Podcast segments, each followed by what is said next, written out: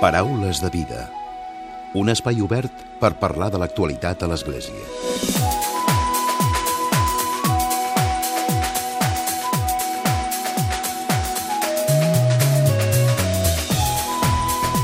Què tal? Salutacions i molt bon dia, molt bon diumenge. Aquests dies han començat les classes a molts centres educatius i també han posat en marxa un nou curs a l'Institut Superior de Ciències Religioses de Girona.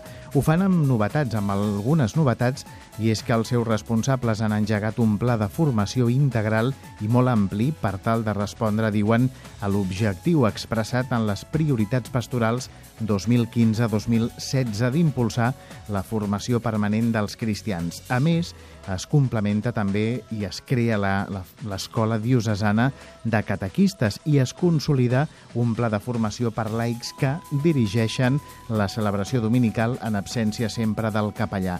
De seguida coneixerem els detalls en conversa amb Joan Amic, que és vicari episcopal de formació del Bisbat de Girona.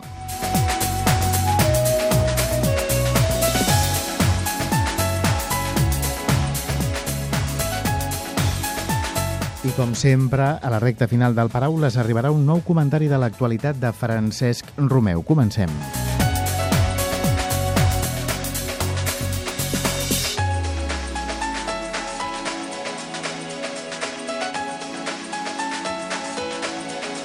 Joan, bon dia i benvingut al Paraules de Vida.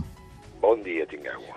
Un pla de formació integral que s'ha posat en marxa aquests dies, tot coincidint amb l'inici del curs.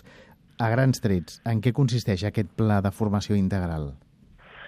Bé, que en posem en marxa i que el posarem en marxa progressivament. És a dir, la formació sempre és un repte per, per, per el moment que vivim i per les comunitats cristianes.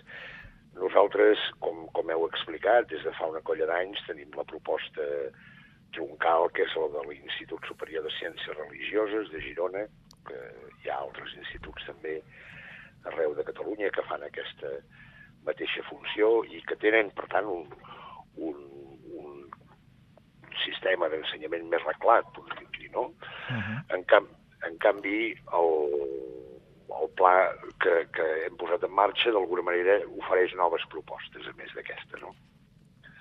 I a grans trets, quines són aquestes noves propostes? Perquè es parla també de la creació d'una escola diocesana de, de catequistes. Exactament, sí. La formació de catequistes era una formació eh, que necessària que s'estava fent doncs, en molts indrets de la diòcesi, però que, bé, eh, convenia potser doncs, estructurar-la i modular-la més, més eh, sistemàticament. I l'escola diocesana de catequistes fa una proposta de dos cursos, dos anys, per tant, d'una colla d'hores els dissabtes, eh, per tant, en cap de setmana, perquè hi pugui participar el màxim de gent, i que serveixi doncs, per eh, actualitzar la formació de tants catequistes com tenim a les nostres comunitats. De fet, és... Més, digues, digues. No, no, que dic que és la primera vegada que es crea així, no? no hi havia precedent, i crec que estem parlant de més de 700 catequistes. Sí, eh, bueno, hi ha hagut altres etapes en les quals hi ha hagut també propostes diocesanes de, de formació de catequistes, però potser així és un tipus escola. Escola sí que és una modalitat nova en aquest moment. Però és molt específica, no? Molt. Eh, sí, sí, sí, exactament. És una... De fet, intenta recollir una mica la, la trajectòria que en aquests últims anys s'ha doncs, fet també des del SIC, des del Secretariat Interdiocesà de Catequesi, de Catalunya i les Illes doncs, en el camp de la formació i, per tant, adaptar-la a la diòcesi de Girona. Una proposta que també ens ve doncs, de molts altres llocs d'Europa que també tenen aquesta preocupació per la formació dels catequistes i per la renovació, d'alguna manera, de, de, dels, dels catequistes actuals. Uh -huh. Parlem també, ho dèiem a la portada, d'aquest pla de formació per laics que, que dirigeixen celebracions dominicals quan no hi ha capellans. També és una, una vessant important des del punt de vista formatiu. Sí, amb això no partim de zero, perquè eh, a la nostra diòcesi eh, tots coneixem la, marca, la manca de capellans i de diaques, doncs a vegades doncs, algunes parròquies doncs, algun diumenge necessiten aquestes celebracions en absència de prevera o de diaca, no? I llavors, vam preparar ja l'any passat doncs, un conjunt de persones per això, que van fer una formació inicial, i aquestes persones ara, eh, quan convé, no sempre, doncs fan aquestes celebracions en algunes parròquies.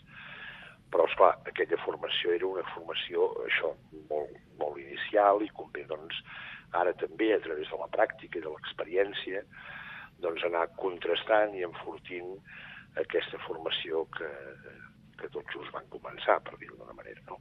Uh -huh. Hi ha també els, els cicles no? de formació d'adults en l'àmbit de la pastoral familiar i un seminari també, crec, de formació de diaques permanents. Sí. El tema de la pastoral familiar, que porta ja una trajectòria una mica més llarga en la diòcesi, és un cicle de formació pensat més al creixement personal, emocional, espiritual de, de les parelles, sobretot, no? I participa, es fa a la ciutat de Girona mateix i participa gent de tota la diòcesi en un nombre important. El tema del seminari de formació continuada dels diaques permanents respon també eh, aquella mateixa preocupació que parlàvem dels agents pastorals. No? I els diaques permanents han fet tot un procés formatiu fins a arribar en el moment de la decisió i de l'ordenació i per tant han fet els cicles d'estudis a l'Institut de Ciències Religioses, però ara la pràctica doncs, necessita també eh, ser il·luminada doncs, per, per, per, per altres instruments formatius. No?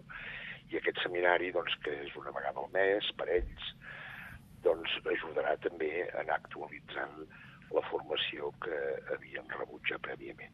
Mm. D'alguna manera ja veus que és posar tota la diòcesi en estat de formació. No? Sí, exacte, no? és un, un pla molt transversal. Sí, sí, sí, sí, sí. I encara ens queden, ens queden elements que, que, que hi hem d'afegir, no? segurament, perquè, ja t'ho he dit, és, és un, un primer pas, i segurament hi ha, hi ha una idea molt, molt nostra, o molt, jo, jo diria que també és molt propi del nostre bisbe, de dir no anem a la dispersió, sinó unifiquem eh, una mica la proposta, en una única proposta formativa, doncs tot el que en el bisbat es fa, no? Uh -huh. De fet, l'Institut Superior de Ciències Religioses, ara, ara ho deia també vostè mateix, hi ha cada, a cada bisbat català hi ha un institut i el, sí. més, i el més important és que a cada bisbat són referència, no? com en aquest cas a Girona, doncs també l'ISCREP és, és una referència en l'àmbit formatiu. No? Sí, jo diria que és la gran institució formativa que queda en la diòcesi i llavors eh, a redors d'aquest institut, del seu professorat, doncs com una mena de paraigües i hem d'anar xoplogant eh, totes les iniciatives o la majoria d'iniciatives que puguem en el camp de la formació. És a dir, la, el, el mateix eh, seminari per diaques permanents o la formació dels agents pastorals o l'escola de catequistes doncs, compten majoritàriament amb el professorat del mateix institut. No? I a més a més, sempre també quan parlem dels cursos, eh, reclats, homologats i amb, amb els crèdits oficials, no? que estem parlant també, de, en aquest cas, el Pla Bologna a nivell europeu. Aquí està, sí, sí, sí, sí, sí, és això. Per tant, és, és un, eh, diguéssim, la gran proposta formativa és el que començàvem eh, la conversa, no és la proposta acadèmica de l'Institut, reclada, eh, estructurada i legalitzada, evidentment. Mm. Quantes persones hi ha a grans trets, Joan, al, al capdavant de, de l'ISCREP, de l'Institut Superior de Ciències Religioses de Girona? Eh, alumnat o professorat? No, professorat, parlem primer. El professorat mm, hi deu haver-hi unes 25 persones en aquest moment, eh? No tothom dona classe cada any, eh? però sí, uns 25 professors. Persones que col·laboren també de manera puntual, com diu, no? potser cursos eh, en cursos diferents i, sí. i per especialitats molt concretes. No? Sí, sí, persones també perquè a veure, l'Institut porta molts anys de funcionament i té, per tant, un capital de, de persones que, que han completat tots els estudis i que eh, també volem anar anant-los oferint la possibilitat de que allò que han rebut doncs també ho donin ara. No? Hi ha gent que s'ha pogut preparar molt bé i això, això sempre és una alegria, no? I a més a més, com també hem explicat amb altres instituts, eh, via telemàtica i és a dir, via internet i també via presencial, no? En el cas de Girona és només eh, la via presencial. Encara està per desenvolupar, per tant, la part més telemàtica, més... Sí, sí, això és una cosa més... és un element més propi en aquell moment de, dels instituts més radicats de Barcelona. Uh -huh. I per acabar també parlem, Joan, de la importància que té, en aquest cas, mm, tot plegat, els, les diferents propostes que, que es posen en marxa aquest any, que algunes ja també són, estan prou consolidades i que són continuació, però totes amb, amb aquest objectiu que queda eh, explícit en les prioritats pastorals, oi?, d'aquests dos propers anys. Sí, és a dir, jo crec, jo, jo crec que la preocupació per la formació les nostres reunions o les nostres trobades eh, és una preocupació compartida per, per tothom, no? I dedicar esforços a la formació sempre eh, garanteix al final doncs, eh, una església més sòlida, no? una església que pugui caminar eh, pel món doncs, amb, sabent el que diu i puguem contrastar amb la cultura que té al voltant. No? Això jo crec que, que per tant és, és la major inversió de futur que podem fer com a diòcesi. Uh -huh. eh, en aquest moment encara més, jo diria. Per persones que ens estiguin escoltant i que potser vulguin participar d'algun d'aquests cursos que avui hem parlat o de qualsevol que es facin des de l'Institut Superior de Ciències Religioses de Girona, que haurien de fer? Trucar directament? Sí, si es posar-se en contacte directament amb la secretaria de l'Institut de Ciències Religioses, que és que de dilluns a dijous de 6 a 8 de la tarda, eh? I bueno, a través de, de la pàgina web del, del Bisbat de Girona també trobarien doncs, tota la informació de correu electrònic, de telèfon, de tot el que convingui. Doncs avui al Paraules de Vida hem parlat amb en Joan Amic, que és vicari episcopal de formació del Bisbat de Girona. Amb ell hem parlat d'aquest pla de formació integral que es posa en marxa aquests dies, coincidint amb l'inici del curs també a nivell global, amb iniciatives que van dirigides sobretot a persones que desenvolupen tasques i responsabilitats en diversos àmbits i amb la creació d'aquesta escola específica, Escola Diocesana de Catequistes, i també amb la consolidació, per exemple, del Pla de Formació per Laics que dirigeixen la celebració dominical en absència de capellà. Joan, gràcies per haver-nos atès avui. A vosaltres, moltes gràcies i bon dia. Paraules de vida. Un espai obert per parlar de l'actualitat a l'Església. I tot seguit arriba, com sempre, el comentari de l'actualitat de Francesc Romeu. Francesc, molt bon dia. Molt bon dia a tothom. Recordem que aquesta setmana, en motiu del Dia Internacional de la Pau, que es va, es va commemorar el passat dimecres 21 de setembre, es va celebrar a Sis la ja tradicional trobada interreligiosa per la pau, i que aquesta vegada ha plegat a més de 400 líders i representants de les respectives religions que hi ha arreu del món. Aquest any s'han reunit novament en el que ja està esdevenint la capital de la pau, la població italiana on va néixer Sant Francesc, a Assís, amb el lema Set de Pau, religions i cultures en diàleg.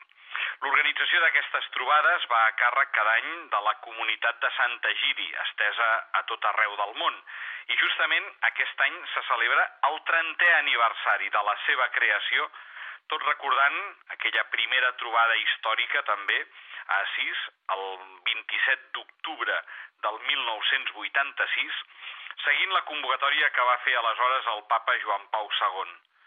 Potser és per això que en aquesta trobada d'aquest any va tenir un paper molt important el papa Francesc, que s'hi va desplaçar des de Roma el passat dimarts 20 de setembre per participar en l'acte de cluenda d'unes jornades que havien començat justament el diumenge passat.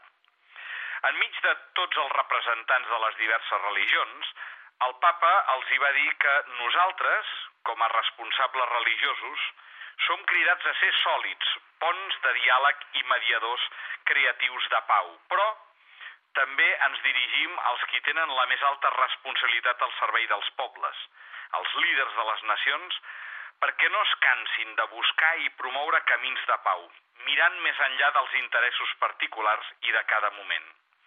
I és per aquest motiu que el papa Francesc els hi va demanar un compromís més explícit i més actiu a favor de la pau. El compromís d'aquell que s'implica en la resolució dels conflictes, sense defugir-ne les conseqüències. I els hi va dir, l'oració i la voluntat de col·laborar ens comprometen a buscar una pau veritable, no il·lusòria, no la tranquil·litat de qui esquiva les dificultats i mira cap a una altra banda, quan no es toquen els seus interessos, no el cinisme de qui es renta les mans quan els problemes no són seus, no l'enfocament virtual de qui jutja tot i a tots des del teclat del seu ordinador, sense obrir els ulls a les necessitats dels germans, ni embrutar-se les mans per ajudar a qui té necessitat. I va continuar parlant d'empatia amb el dolor dels altres, d'opció pel bé i de la necessitat de treballar amb constància en favor de la pau. El nostre camí és el de submergir-nos en les situacions i posar en el primer lloc els qui pateixen, el d'afrontar els conflictes i sanar-los des de dins, el de recórrer amb coherència el camí del bé, rebutjant les dreceres del mal, el de posar en marxa pacientment processos de pau, amb l'ajuda de Déu i amb, la, i amb la seva bona voluntat. Per fer tot això, el papa ha subratllat els valors del perdó, l'acollida, la col·laboració, l'educació, que serveixen per explicar el significat de la pau, que és una paraula tan senzilla i alhora tan difícil. Pel que fa a la diversitat religiosa dels convocats i el sentit de la fraternitat d'aquesta trobada, el papa els va valorar d'aquesta manera. Avui no hem pregat els uns contra els altres, com per desgràcia ha passat algunes vegades en la història. Per contra, sense sincretismes i sense relativisme, hem resat els uns amb els altres, els uns pels altres. Un altre punt fort de la seva intervenció del papa ha estat el valor de la vida, expressant-ho en la següent manera. Junts volem donar peu als que pateixen, als que no tenen veu i no són escoltats. Ells saben prou bé sovint millor que els poderosos que no hi ha futur en la guerra i que la violència de les armes destrueix l'alegria de la vida. Per acabar, el papa també es va referir a l'accent espiritual que va tenir aquesta trobada de sis, si ens adonem de la força de la pregària. I per això ho va expressar amb un clam, gairebé com si fos un crit. Nosaltres no tenim armes, però creiem en la força mm, humil de la pregària. I en aquesta jornada, la set de pau s'ha transformat en una invocació a Déu, perquè s'acabin les guerres, el terrorisme i la violència. I tornant a repetir com tantes vegades hi ha fet el papa Francesc i en tantes ocasions, que Déu no vol la violència. No ens cansem de repetir que mai es pot usar el nom de Déu per justificar la violència. Només la pau és santa i no la guerra. Molt bon diumenge a tothom.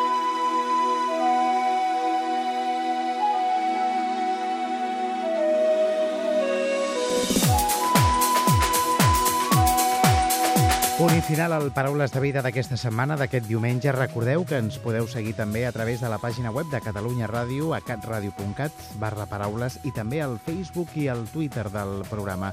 En Josep Maria Campillo ha estat el control tècnic i qui us ha parlat, l'Emili Pacheco. Que passeu bon diumenge i una molt bona setmana.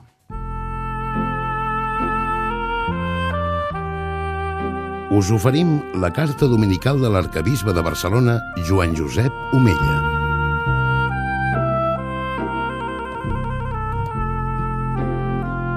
Déu vos guard.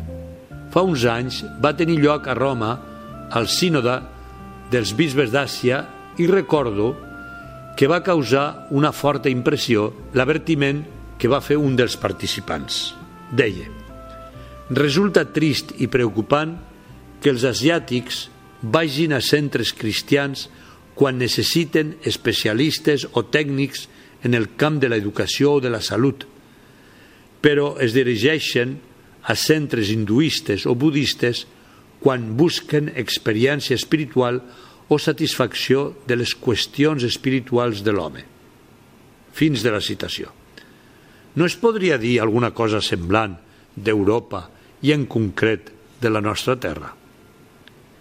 L'ésser humà, sigui del continent que sigui, desitja cobrir les seves necessitats bàsiques com són la fam, la set, però desitja també penetrar als secrets de la vida i trobar la llum que l'ajudi a respondre a les preguntes bàsiques com qui sóc jo, d'on vinc o on vaig. Desitja trobar la felicitat i la pau. L'ésser humà, per ser-ho veritablement, necessita cobrir les seves necessitats espirituals, trobar el sentit de la vida, i això no ho dona ni el cinema, ni els famosos, ni els poderosos, ni les sectes. La resposta només és Jesucrist, Jesús de Nazaret, l'eterne de Déu Pare, que amb la seva paraula, en l'Esperit Sant, respon plenament a aquests desitjos profuns del cor de l'home. Així ho expressava Sant Agustí, deia, com és, Senyor, que jo et busco, perquè al cercar-te, Déu meu, cerco la vida feliç. Fes que et cerqui perquè així visqui la meva ànima, perquè el meu cos viu de la meva ànima i la meva ànima viu en tu. Fin de la citació. I Sant Tomàs afegirà, només Déu omple. Tant la família com la parròquia i la comunitat diocesana ha d'estar disposada a ajudar cada persona a trobar Crist, camí, veritat i vida. Només en ell descansa el cor humà.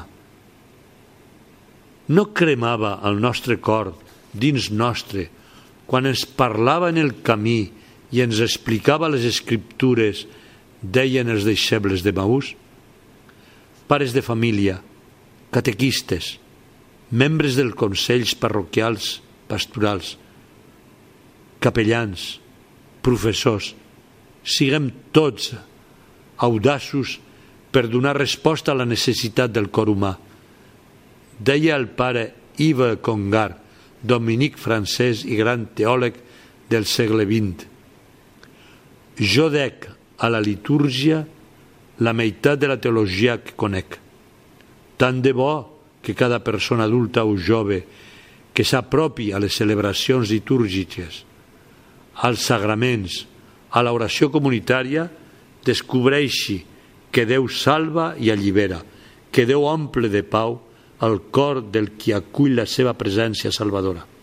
Tant de bo que tots puguem experimentar que Déu ens deslliura de la necessitat desmesurada dels béns materials, que la comunitat cristiana s'interessi pel desenvolupament integral de l'ésser humà des del servei de la caritat, però que experimentem també com n'és de bonic ser fill de Déu.